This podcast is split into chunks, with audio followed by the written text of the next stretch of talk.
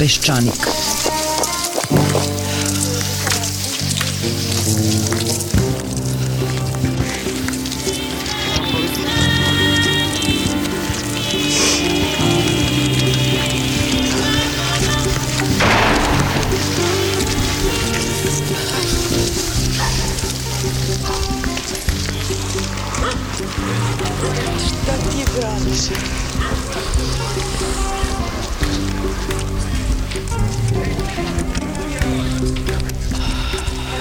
Peščanik.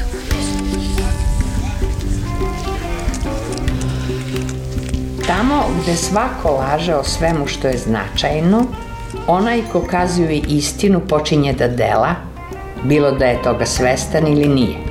Tako se i on upliče u političku delatnost, jer u slučaju da preživi što nije sigurno, on započinje promenu sveta. Ne može se ovih dana proći Beogradom od raznih međunarodnih kontrolora. Misija Međunarodnog monetarnog fonda danima proverava papire, saslušava ministre, komesar za proširenje Evropske unije Han došao je da izvidi dokle smo stigli u čuvenim reformama. Negde je zapelo i neće da kaže kada će biti otvorena prva poglavlja i zbog čega nisu otvorena. Aleksandar Vučić viče da ne da gazivode po cenu života. Gazivode su postale najskuplja srpska reč. Googlovala sam te gazivode. To veštačko jezero služi za navodnjavanje Kosovske doline. Naglasak je na Kosovske. Ima neku malu hidrocentralu i uglavnom je dobro za pecanje. Kako god bilo, ne znamo pouzdano još uvijek ništa ni o rezultatima posete MMF-a, ani Evropskog komesara, jer tek ne možemo se pouzdati u ono što nam svojim rečima slobodnim stilom prepričavaju Vučić i Nikolić. Umeđu vremenu nasilje raste.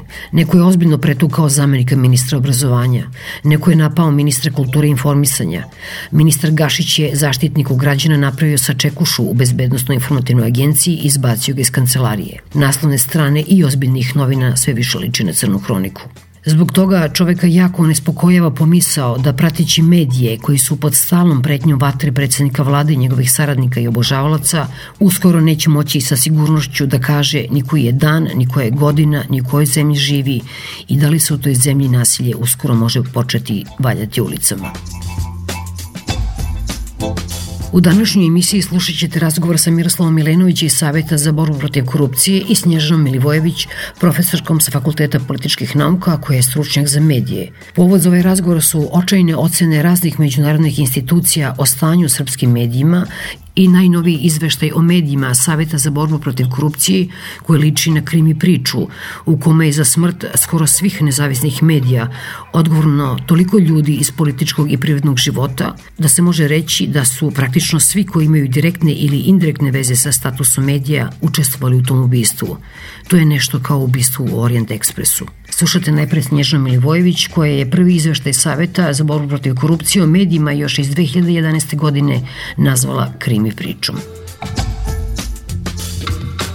Ja sam rekla 2011. da je to krimi priča u srcu vlasti. Nije to obična krimi priča, nego ona čiji tragovi, zaplet vode zaista do ključnih institucija i ključnih ličnosti vlasti i e, činjenica da iste tragove možemo da vidimo ili slične tragove i isti obrazac vidimo i u ovom izveštaju, govori o tome da je reč o sistemskoj odlici ovdašnjih veze između medija, tajkuna, ajde da tako kažem, i političke elite.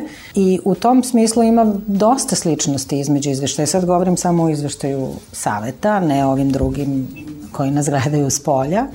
Ovaj domaći tekst ima jedan mali paradoks. Govori o tome da se stvari ne menjaju. I mi smo danas vodili jedan razgovor u Beogradu, u, u medija centru o tome i opšte je utisak da se ovde stvari ne menjaju, da, da je to već viđeno, da su ti svi obrazci već poznati. I ja bih htela da kažem odmah na početku da ja mislim da to nije baš potpuno tačan utisak.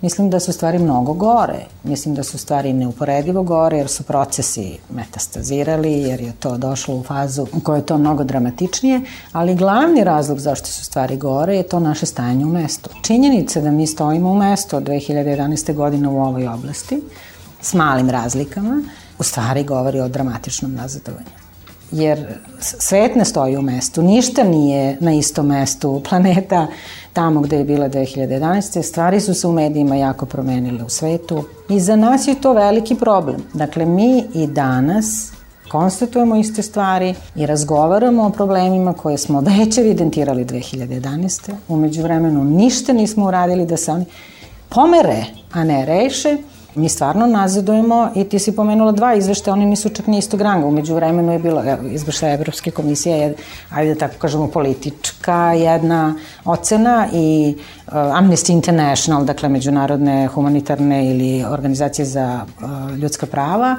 ali da te podsjetim početkom godine izvešte reportera bez granica, takođe tamo je nazadovanje za 13 mesta registrovano. Sada je Srbija u grupi ja mislim sa tri ili četiri zemlje koje je među tri, one koje su najviše nazadovali u prethodnoj godini. Za 10 godina, pardon, od 2010. do 2014.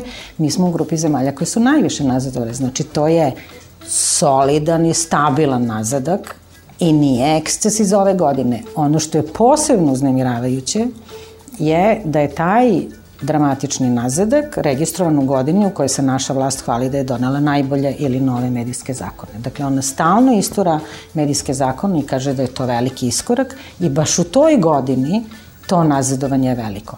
I ja mislim da je ako neko baš neće da bude beskreno ciničan ili zlonameran, sva upozorenja koje postoje od političkih međunarodnih organizacija, od profesionalnih udruženja, od organizacije koje se bave slobodom izražavanja, da ne pominjem sukob sa Dunjom Mijatović, OEPS reprezentativkom za medije, ukazuju na to da je ovde nazadovanje očigledno. Ja sam današnje izlaganje i počela jednom ovaj, retrospektivom nekih novinskih članaka i krenula sam od 6. oktobra 2011. godine kada je pokojna Verica Barać dala intervju i ona je tada rekla da postoji saglasnost da se podaci iz izveštaja uopšte ne komentarišu. Ja to mogu da kažem da i danas postoji identična takva saglasnost, da se jednostavno to ignoriše. Ona je tada isto uh, navela da su predstavnici vlasti potpuno se obezbedili od bilo kakve kontrole, I rekla je tada da predstavnici vlasti su toliko sigurni da su uspostavili kontrolu u medijima da smatraju da nikakav izveštaj ne može to da ugrozi. To je aktuelno i to je živo i danas. Ali ono što je vrlo čudno, od te 2011. kada je izašao izveštaj, pa evo do 2015. ipak smo imali smenu vlasti, oni koji su došli na krilima predizbornih obećanja, jedna od stvari je bilo istraživanje 24 uh, predmeta, odnosno ne istraživanje, nego dovođenje do kraja istraga 24 predmeta Saveta za borbu protiv korupcije, u kojima jedan od je bio i izveštaj o medijima. Mi smo sada u maju 2015. godine, ne samo da o tom izveštaju nije postupljeno, nego i o mnogim drugim jednostavno nema ničega. I onaj prvi izveštaj i ovaj drugi, ajde ja ću tu da, da uprostim nekome ko čita, prva asocijacija kad čovjek vidi sve ono jeste da gledate neku veliku pljačku. Ako na to nemaju oni šta da kažu, Pa apsolutno ste u pravu, pa ne znam šta bi im očigledno da jedino što bi imali da kažu to je odakle vam ti podaci. Jer uh, ovaj izveštaj je rađen isključivo i samo od podataka koji su dobijeni iz državnih organa.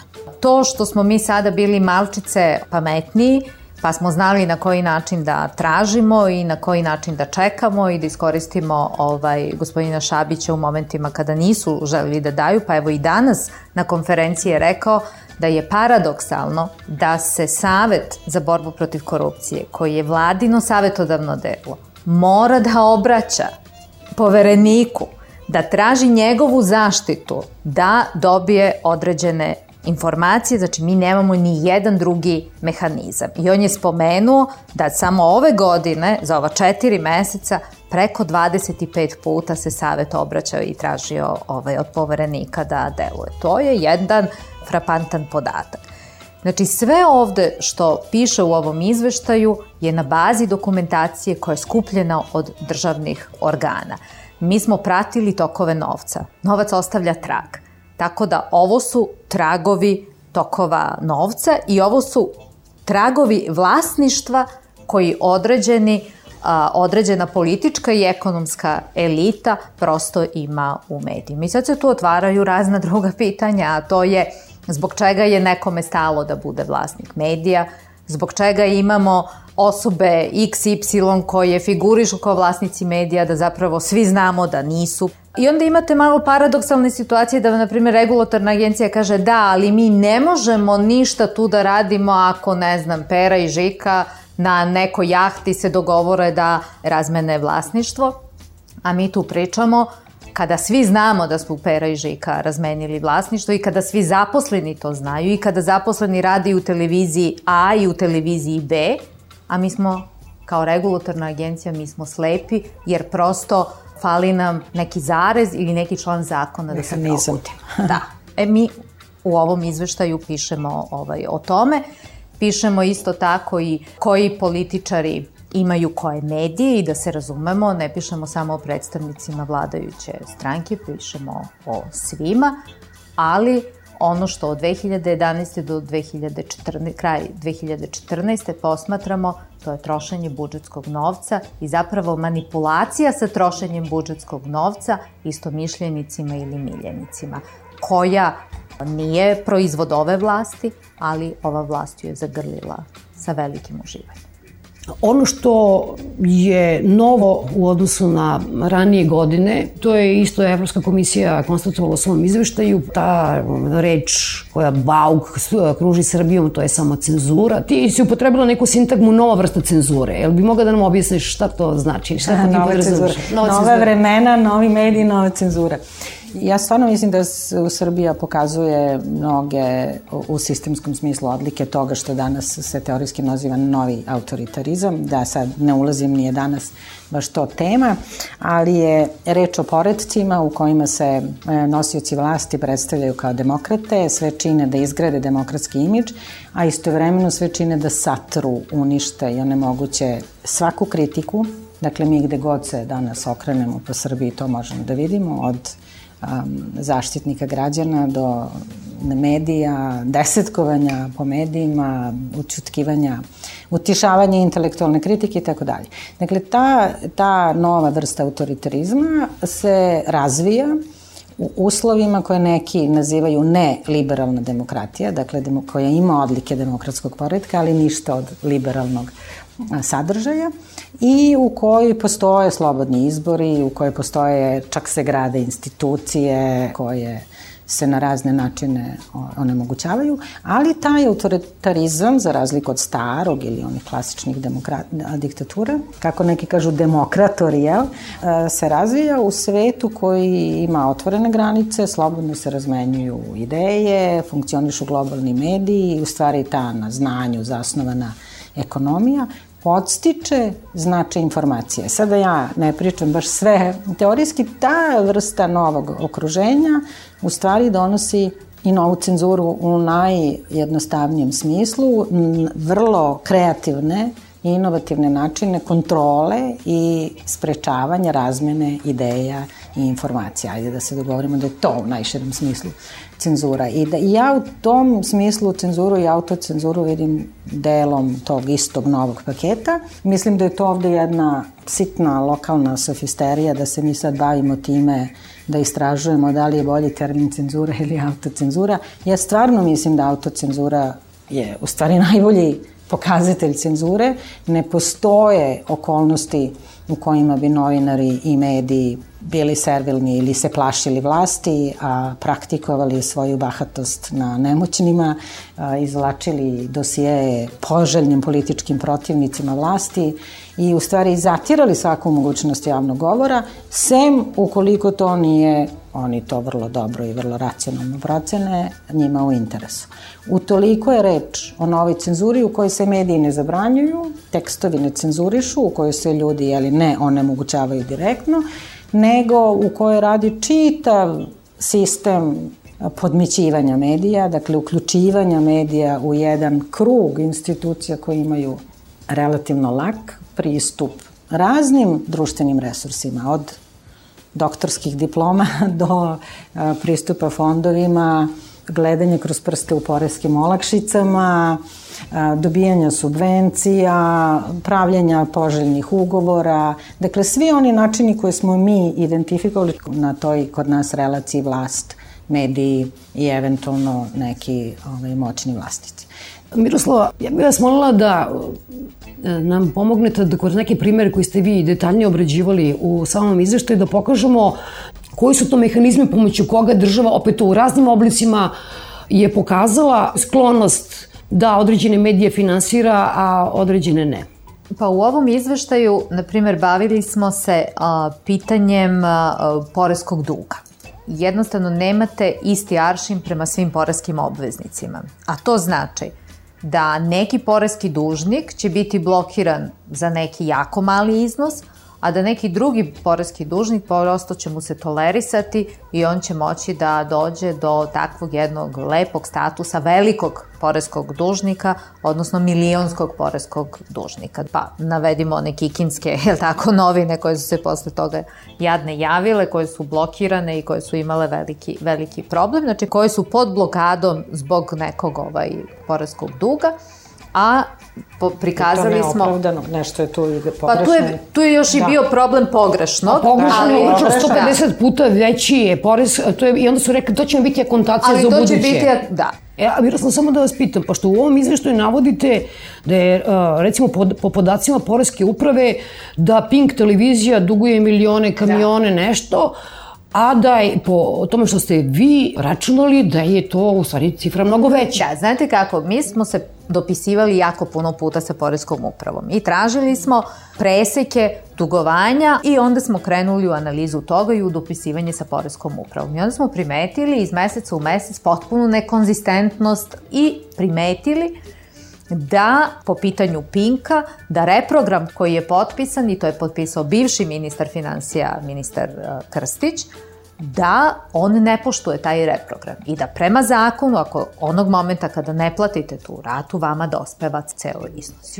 I onda kad smo sabirali jedno s drugim nešto, tu nije, jedan i jedan nisu bili dva, sve do momenta dok nismo bili obavešteni da je Pink dobio još jedan reprogram koji je sada potpisao aktuelni ministar financija. U momentu kada je ovaj bio, kada je trebao da dospe u celokupnom iznosu, Znači, vlast je odlučila ne samo da ga nagradi što ovaj prethodni nije dospeo, ne ovako da kažemo, on je već nagrađen što je dobio reprogram, a to svakom mediju nije, nije prosto moguće, pa onda iako ga nije plaćao, dobio je mogućnost novog reprograma i kada smo mi krenuli sa novim pitanjima, pa koliko poreskih obveznika je tako nešto dobilo, po kojim kriterijumima i kako, oni su se pozvali na član zakona koji daje diskrecijono pravo ministru financija. To je potpuno, znači, koruptivni zakon. Da ne pričamo grace periodu, da ne pričamo smešnim kamatama, znači, to je podsticaj koji je direktno otišao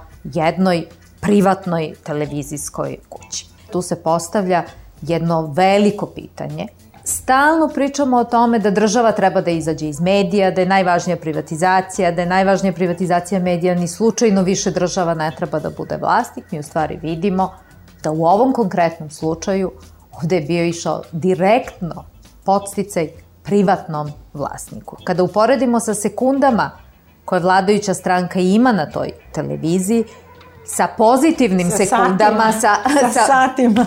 Znači, mi vidimo da u fokusu ove vlasti nije javni servis toliko, koliko su određene privatne televizijske kuće i privatni štampani i radio mediji. I o tome smo pisali, isto kao što smo pisali o štampari Borba, koji je ogroman poreski ovaj dužnik, gdje smo isto naveli primer pisma direktora koji obaveštava direktora Poreske uprave da u pravu ste, mi dugujemo toliko, ne plaćamo po reprogramu, ali prosto takva je situacija. I još jedan put vam napominjemo da nismo plaćali po preporuci predsednika vlade. To je za mene strašno. Imamo, na primer, privatizacija politike gde i dan danas ne znamo ko je vlasnik. Ja moram da kažem da mi sa dokumentacijom koju smo baratali, koju smo prikupili, nismo našli potvrdu da je uh, gospodin Bogićević vlasnik. Putevi vode u Rusiju, putevi vode na čudnu adresu, putevi vode na poštansko sanduče, putevi vode na nikoga. Kad putevi vode na nikoga, kada nema nikoga, to se zove fantom firma. Tu se sad postavlja sledeće pitanje, a to je kako je moguće da premijer izjavi da njega više ne interesuje koji je vlasnik. Ako mi do 1. jula treba da privatizujemo sve medije, koja je šansa da dobijete kredibilnog novog vlasnika 50% koji će da sedi sa nekim za koga ne znamo, ne znamo ko je. To je gotovo neverovatno. To mu je preporuka. I još je neverovatno ako već sada i znamo bila su određena plaćanja i tako dalje, novac ostavlja tragove, nemoguće je da ne znamo ko je platio, za koga je platio, u čije je ime platio, pa to je prosto meni kao forenzičnom računovođi smešno. Kada je Miroslava sada pomenula uh, jul mesec kao neki datum kada će se kao navodno, mada mi nije jasno kako to uopšte može da se izvede, da se privatizuju, tu govorimo o desetinama i desetinama medija i to ne malih, nego govorim 80, tu je znači i politika i tanjug. Dnevnik, večerni, novosti i mnogo lokalnih da, medija. Prvo, da li je to izvodljivo? Drugo, po nekim najavama u medijima koje smo mogli da vidimo ko je zainteresovan za kupovinu uh, tih medija, šta ti možeš da zaključiš iz toga? Vlast hvali, vidim gde god čujem da govore ljudi iz Ministarstva kulture, da taj posao koji godinama nije bio urađen, oni će uraditi evo, za preostale dva meseca. Čak i prodaće, čak i po cenu da ne znaju šta prodaju. Ako je to takva rešenost, ja ne sumnjam da će ona biti obavljena. Šta će biti posledice te rešenosti, o tome ćemo mi da razgovaramo, mogli bi da počnemo već sada i trebalo je da počnemo mnogo ranije. I ja zaista mislim da je cilj te privatizacije, jedini cilj te privatizacije, da se ugase mediji, izuzev ovih velikih, ne verujem, politika, dnevnik, novosti, tu verovatno bez obzira na nepoznatog e, vlasnika, titulara, mislim. Nama. E, vlasništvo postoji, da. A, mislim, nama mislim, nepoznato. nepoznato. Javno da. nepoznato. Ali uh, postoji neka substanca uh, koja je potpuno je takođe ne, neverovatno da su to medijske kuće koje se ovde bave neke od njih e, u prvom redu boraca za transparentnost, da nikad se ne okrenu i kažu za koga mi pišemo, ko su naši vlasnici, zašto je to vlasništvo važno? I zašto se saveti svi angažuju oko toga ako mi kao mediji za to nismo zainteresovani. Dakle, ti veliki će, pretpostavljam, preživeti, ne znam kakve će aranžmane napraviti. Podsjetit ću vas da je politika i u prvoj privatizaciji bila prodata kao aranžman, jeli, Vacu, pa je Vac došao, pa otišao, pa su to sve neke strateške igre koje nemaju neposredne veze sa medijima. U ovom trenutku privatizacija, koliko sam shvatila, e, ministarstvo i e, vlada su potpuno rešeni da se to obavi. I ona će desetkovati, ništa verovatno neće preživeti sem ovih nekoliko velikih medija i mislim da ta iako se to zove vlasnička transformacija, nema nikakav transformativni efekat, nego je njen jedini efekat gašenje.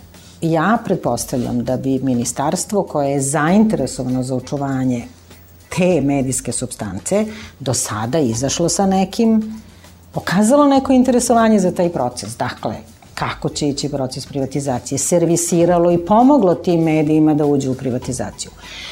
Država inače u medijima ima mnogo uloga. Ja mislim da ovaj izveštaj i njegova velika vrednost je u tome. Pokazuje da se država već evakuiše iz vlasništva. Država je pametnija od nas.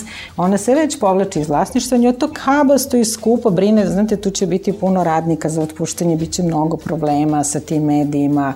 Š, zašto bi ona to više uopšte te odnose zadržavala kad vlasnici mogu da postanu lojalni prijatelji, prijateljice. A sa druge strane, sa relativno malo novca koji će biti deljen projektno ili kroz sisteme sufinansiranja, će svi ti novo privatizovani i stare, stari komercijalni mediji moći da se kontrolišu. Dakle, ovaj izveštaj kaže medijsko vlasništvo nije ključna stvar kroz koju se obavlja kontrola to što će država prestati da bude vlasnik nas neće ostaviti sa boljim i kvalitetnijim, ni slobodnijim medijima. Država ima nebrojeno mnogo instrumenta da kroz sistem finansiranja koji je netransparentan, jako razvijen da promoviše koruptivne veze sa medijima i vrlo dobro uigran, sutra kontroliše i dalje čitavu medijsku scenu. Što ću reći da ovaj izveštaj nama kaže da velika podrška Evropske unije užasan napor koji je ovde uložen da se donesu zakoni po medijskim standardima koji će proterati državu iz vlasništva, u stvari neće imati za efekat kvalitetniju i bolju medijsku scenu. Privatizacija medija neće, ništa neće biti drugačija od privatizacije celokupne privrede u Srbiji da samo se setimo da je ona bila duboko pljačkaška, da uopšte nije išla da obezbedi nova radna mesta ili da obezbedi nastavak proizvodnje. Sve to je bilo jagma za poslovnim prostorom, jagma za zemljištem, jagma da se nešto sruši, da se dignu neki stanovi i nekakve druge stvari. Privatizacija medija, ovde u ovom izveštaju mi pišemo o tome da prvo se plašimo da uopšte privatizacije krajnje minorna priča i da time što će država da izađe iz vlasništva se ništa epohalno neće desiti, ali skrećemo pažnju da imovina nije popisana, da se ne zna vrednost, da tamo gde postoji negativni kapital, a to znači on je pojeden, dugovi su mnogo veći, da se zapravo nema pravog pristupa šta će se raditi, šta će se dešavati uopšte sa tim medijima i da će ta privatizacija da bude jednostavno identična kao i sve one koje su do sada bile. A to znači mogući raskidi ugovora, moguće predistražne i istražne radnje, mogući novi izveštaj i jednostavno opet put bez kraja. Postoje ozbiljne indicije na lokalnom nivou da će to u stvari biti samo prepuštanje lokalnih medija strinama, tetkama i članovima familije. Znate, vi u ovom momentu ako imate obezbeđeno i znate da ste miljenik i da ste se dogovorili da ćete određeno finansiranje na lokalnom nivou imati obezbeđeno, za vas stvarno ne predstavlja ništa da isto tako kod prijateljske banke dignete kredit kojim ćete kupiti tu medijsku kuću. Dobro, ovaj Palme iz Jagodine, na njega smo navikli, on je vlasnik Palme. Pa onda je bio ministar Gašić, pa njegova gospođa, pa njegov sin, sin junior je vlasnik televizija Bajatović, TV Most i tako dalje, odnosno mama i tata su zvanično, je tako? E sad, ono što uvijek zaboravimo jeste da I zapravo to je jedan očigledno jako dobar mehanizam za izlačenje para iz budžeta. Jedan primer su znači sredstva koja se dobijaju kako na republičkom, pokrajinskom ili lokalnom nivou iz budžeta za finansiranje najrazličitijih programskih dešavanja. Ali tu najčešće imate situaciju da taj program i lepo zvuči i lepo je obrazložen, ali onda vidite da sredstva koja su, utrošak sredstava koji je pravdan, da je pravdan kroz toalet papir, troškove mobilnog telefona, ručkova večera i tako dalje i da zapravo nema veze nikakve sa onim prvim inicijalnim dobijanjem sredstava. Tu imamo i deo opraštanja određenih stvari, pre svega od regulatora koji naplaćuju neku naknadu. RRA. RRA i RATEL, da. I tu sad postoji da niko nikom ništa nije oprostio, svi su oni utuženi, svi su pokriveni menicama. Znate, menica, mislim, u, kada ste vi u blokadi, ona vam znači ništa. Mi smo se ovde bavili kolika je šansa da se ta sredstva naplate i da uđu u budžet. I, na primer, Pokazali smo, na primjeru televizije ovaj, Avala, da nisu plaćali tu naknadu za RRA i da je RRA menicu ovaj, upotrebila i blokirala televiziju Avala. I pričamo o iznosu od 133 miliona dinara, znači da prevedemo u to vreme nekih 1,2-3 miliona evra. U tom momentu, tu pričamo o vlasništvu koje je povezano sa Željkom Mitrovićem i sa Dankom e, Đunićem, u to vreme postoje određeni politički pritisci, ta menica se povlači, u istom tom momentu banke blokiraju televiziju Avala, RRA takođe blokira, ali je sad tamo neka deseta u redu i budžet Republike Srbije ostaje uskraćen za 1,2. Da menica nije povučena, taj iznos bi bio naplaćen. I sad vi imate jedan paradoks da ti vlasnici ugašene televizije dugovi postoje, vlasnici se skijaju, imaju jahte, sve je apsolutno ovaj, pod kontrolom, a da sa druge strane budžet Republike Srbije je u minusu za 133 miliona dinara, a niko od RRA ne odgovara zbog čega je povukao menicu i od koga je dobio nalog da povuče menicu. Ova, ja mislim i to je jedna velika vrednost izveštaja, nisu danas hvalili izveštaj, ali mislim to, to je jedna knjiga neodgovornosti. To je jedna knjiga u kojoj vi vidite nekoliko ključnih državnih institucija koje su na razne načine zadužene za ovu oblast, koje kažu da ne znaju šta se u njoj dešava, da nemaju načina da to znaju, a da ne znaju ni ko zna. Znate, ja ne mogu da verujem da ovakvo urušavanje medija, mi govorimo o sistemu, ali svi kao građanki i građani vidimo to u programima ili u sadržajima tih medija, kod svih nas izaziva to osjećanje ogorčenosti, a da ljudi koji su zaduženi za tu oblast uporno tvrde da nemaju ni jedan način, pa makar da se oglase, jeli, da izađu javno i da kažu ja kao osoba koja radi u regulatornom telu ili u ministarstvu smatram da je ovo stvarno strašno. Nemam instrumente, prestaću da se bavim time zato što ne mogu da utičem na to da se kvalitet podigne. Dakle, to cinično te tvrdnje da oni nemaju instrumente, načine i mogućnosti da regulišu medije koji se tu urušavaju svima pred očima, za koje sve međunarodne institucije to kažu, za koje građanki i građani kažu, za koje ljudi iz medija, profesionalno udruženje, evo Savet za borbu protiv korupcije, a mi ne možemo da nađemo načina da institucije koje imaju to u svom mandatu utječu da se stvari, stanje promene. To je stvarno paradoks kao isto u ovom jednom delu izveštaja mi se bavimo vlasničkom strukturom. Delimo tu vlasničku strukturu na transparentnu, kvazi transparentnu i netransparentnu. I ta kvazi transparentna je meni nekako naj, najinteresantnija, zato što se stalno pitam da li mi živimo u nekoj drugoj zemlji, na nekoj drugoj planeti, u nekom drugom vremenu, pa mi nešto saznajemo i čujemo, a da organi izvršne vlasti naprosto i regulatorna tela, jel, odnosno ljudi zaposleni u tim institucijama to ne čuju. U ovom izveštaju mi se bavimo televizijskom stanicom koja je za vreme emitovanja emisije Ćirilica, gde je novinar rekao, bio je intervju sa Šešeljem i rekao, jo, molim vas, nemojte sada o aktuelnim političarima i tako dalje, pa moj gazda Peconi vas je dogovorili smo se, eto, pustio je da vi pričate i tako dalje. Kada pogledate ovaj, agenciju za privredne registre, on nije vlasnik uh, te televizijske stanice, već neko drugo fizičko lice. Tu sad imamo polemiku i kao pa zašto je to dosta ako to nije krivično delo. Pa znate, život ne počinje i ne završava se sa krivičnim delom.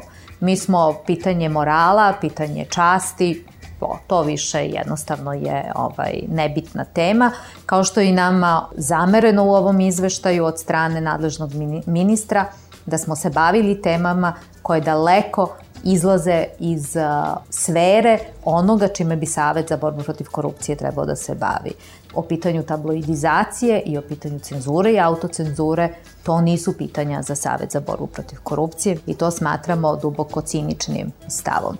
I danas je izrečena u medija centru, ja se duboko slažem da je autocenzura poslednji stadijum cenzure pričati o tome da li postoji cenzura i onda tu cenzuru shvatati kao neku, neku sobu u kojoj sede dvojica i sada zabranjuju određene tekstove, ja smatram isto tako malicioznim. Nije cenzura da li neko brani ili ne brani tekst, cenzura je kada vi ne možete da objavite informacije koje su od važnosti za normalan život ljudi, kada nema debate, kada nema razgovora, kada nema sučeveljavanja mišljenja, to je cenzura.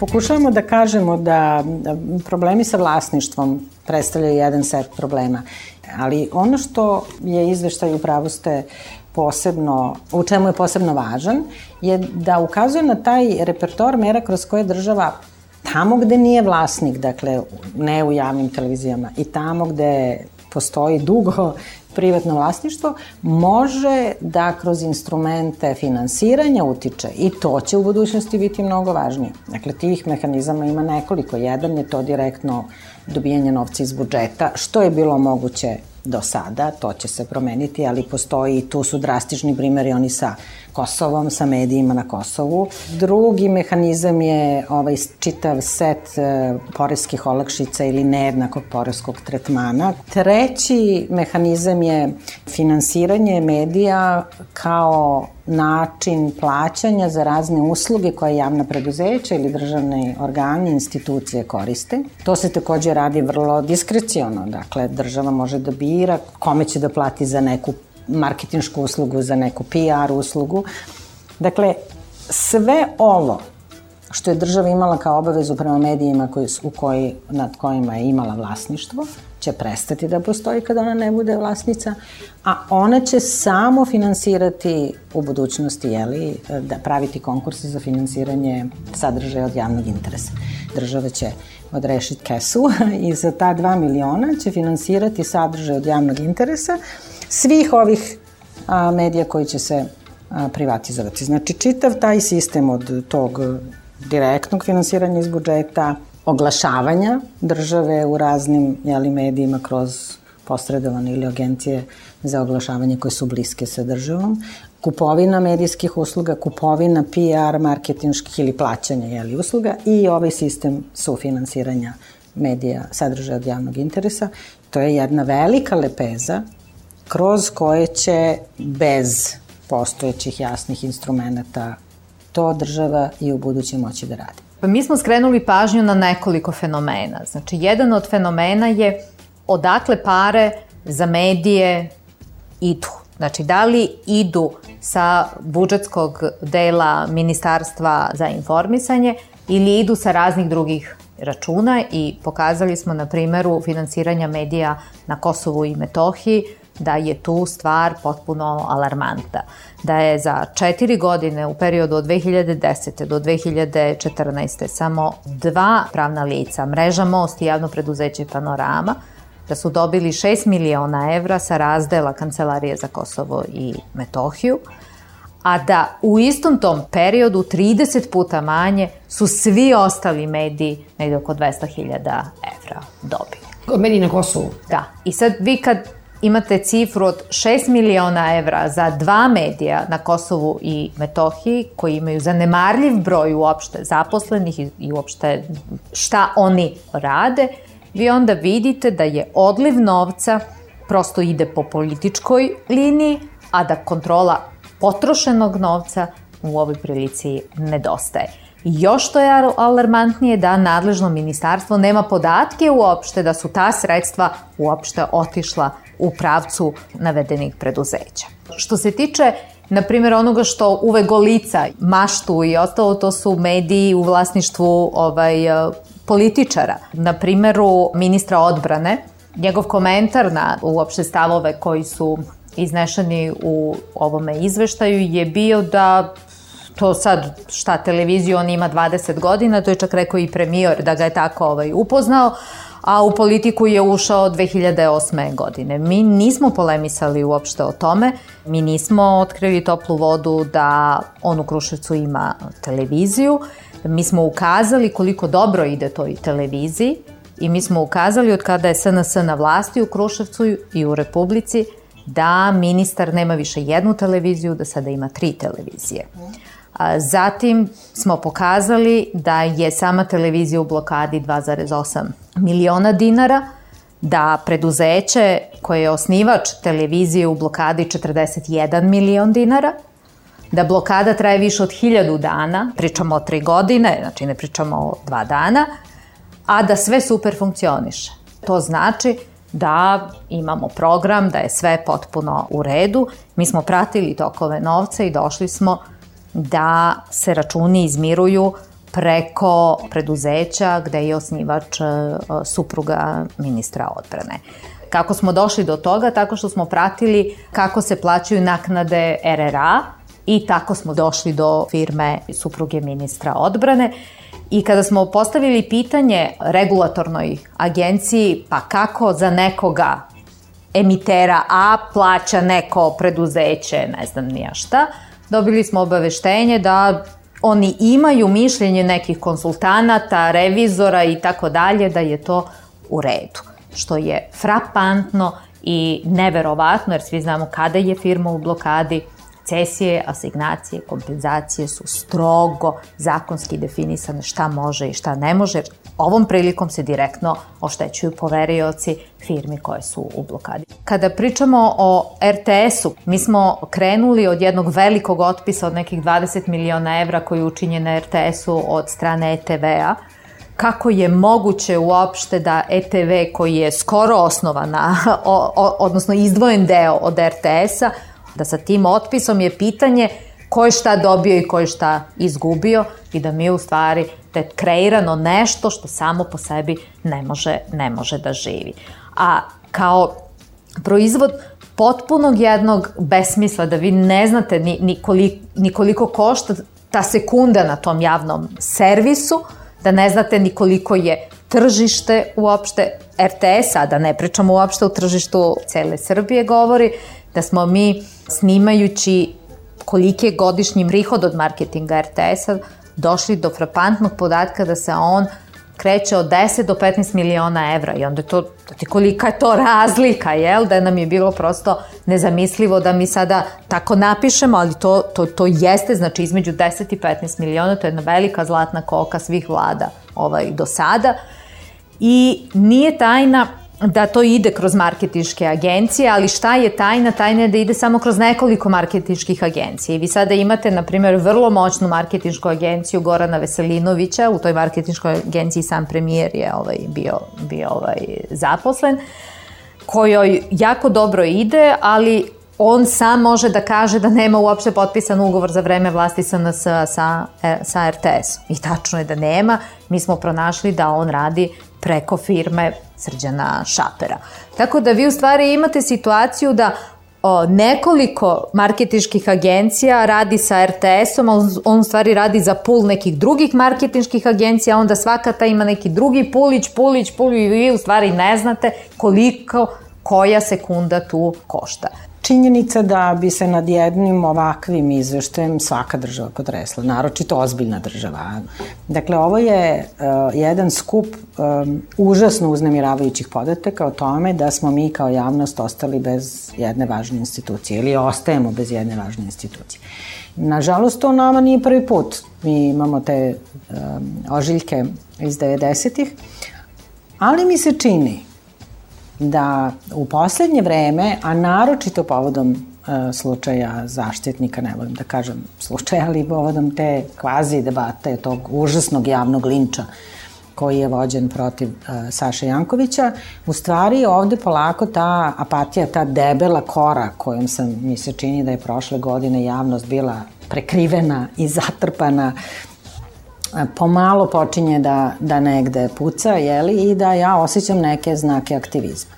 Dakle, prvo mi je žao što ovaj izveštaj je ponovo ignorisan, ali um, imam utisak da se stvari malo menjaju, da se iz te apatije javnost malo konsoliduje i budi. Kako će to izgledati bez medija, ne znam. Možda nije dobra reč bez medija. Dakle, činjenica da se ovo ignoriše i da su mediji pod strašnom kontrolom, ja ne znam šta drugo da kažem. Ona jeste, ta represija jeste selektivna, ali i kontrola opšta, jer ti izabrani primeri nad kojima se vrši represija imaju snagu primera koji onda definiše ćutanje kao standard i mislim da si potpuno u pravu. Nema prostora za javnu debatu tradicionalno osvojenih ili postojećih.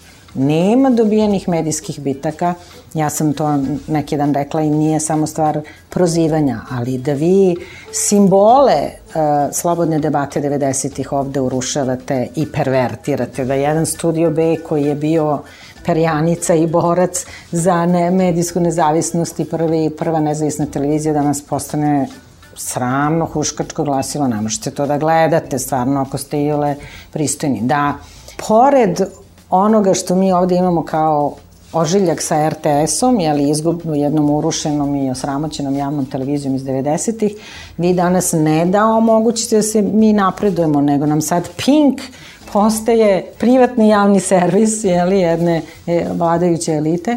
Dakle, nema kraja tim poniženjima ovdašnje javnosti. Mislim da jedna od tih društvenih lekcija i pouka ide upravo tu za tim, da na kraju i Peščanik je više estruko osetio tu vrstu negativne naklonosti, negativne pažnje ovdašnje vlasti, jeste činjenica da se osvojeni prostori slobode u stvari vrlo lako mogu urušiti i da oni ne postoje. Ta mala selitba na, na društvene mreže ili na nove medije, ne mora samo društvene mreže, taj aktivizam nekih sajtova, nekih mladih ljudi koji se organizuju i ne nužno mladih ljudi, jel? Ti na kraju sajtovi uh, institucija na kojima sada možete da dođete do informacije i podataka do koje ranije niste mogli, možda stvara osnovu za malo drugačiju, drugačiju razgovor. Ja bih volela stvarno da mislim da će ova javnost da nađe načina, javnost je nezadrživa, jeli onako kao voda, nekako će naći način da osvoji te prostore ili da se vrati u prostor iz koje je ova vlast uporno potire. Ja ne volim da govorim baš o toj oštroj konfrontaciji vlasti i javnosti, ali ova nova cenzura koju sam malo pre pominjala je nova i po tome što ona više nema za cilj da fabrikuje ili preparira javno mnjenje u skladu sa nekim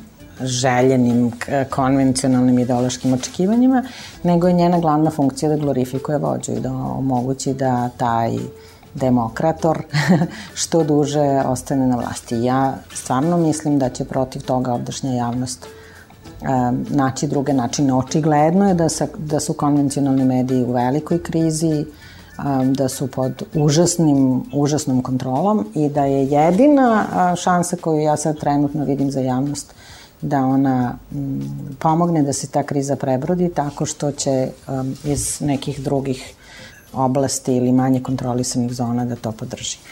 To očigledno osjeća i vlast i zbog toga takav napad na zaštitnika građana, na sve nezavisne institucije, to su krhotine, to su zametci u stvari sve demokratske javnosti, one zajedno sa medijima u stvari čine tu jednu zonu uh, um, slobodne javnosti i kritike, nije čudno što je glavna optužba na adresu Saše Jankovića uh, formulisana kao uh, pretnja njegovim političkim angažmanom, jer je vlasti očigledno jasno da je politička opozicija u velikoj paralizi i da jedini stub organizovanja bilo kog kritičkog mišljenja su te tih nekoliko institucija i eventualno slobodni mediji.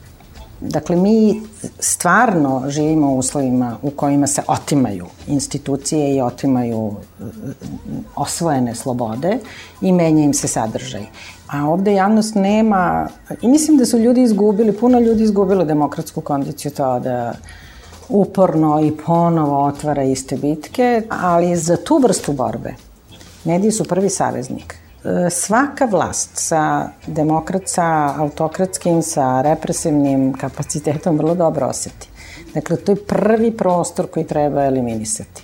I ova serija napada na novinare, mi smo danas govorili o sistemu, o urušavanju medijskih sloboda i de degradiranju medijskog sistema.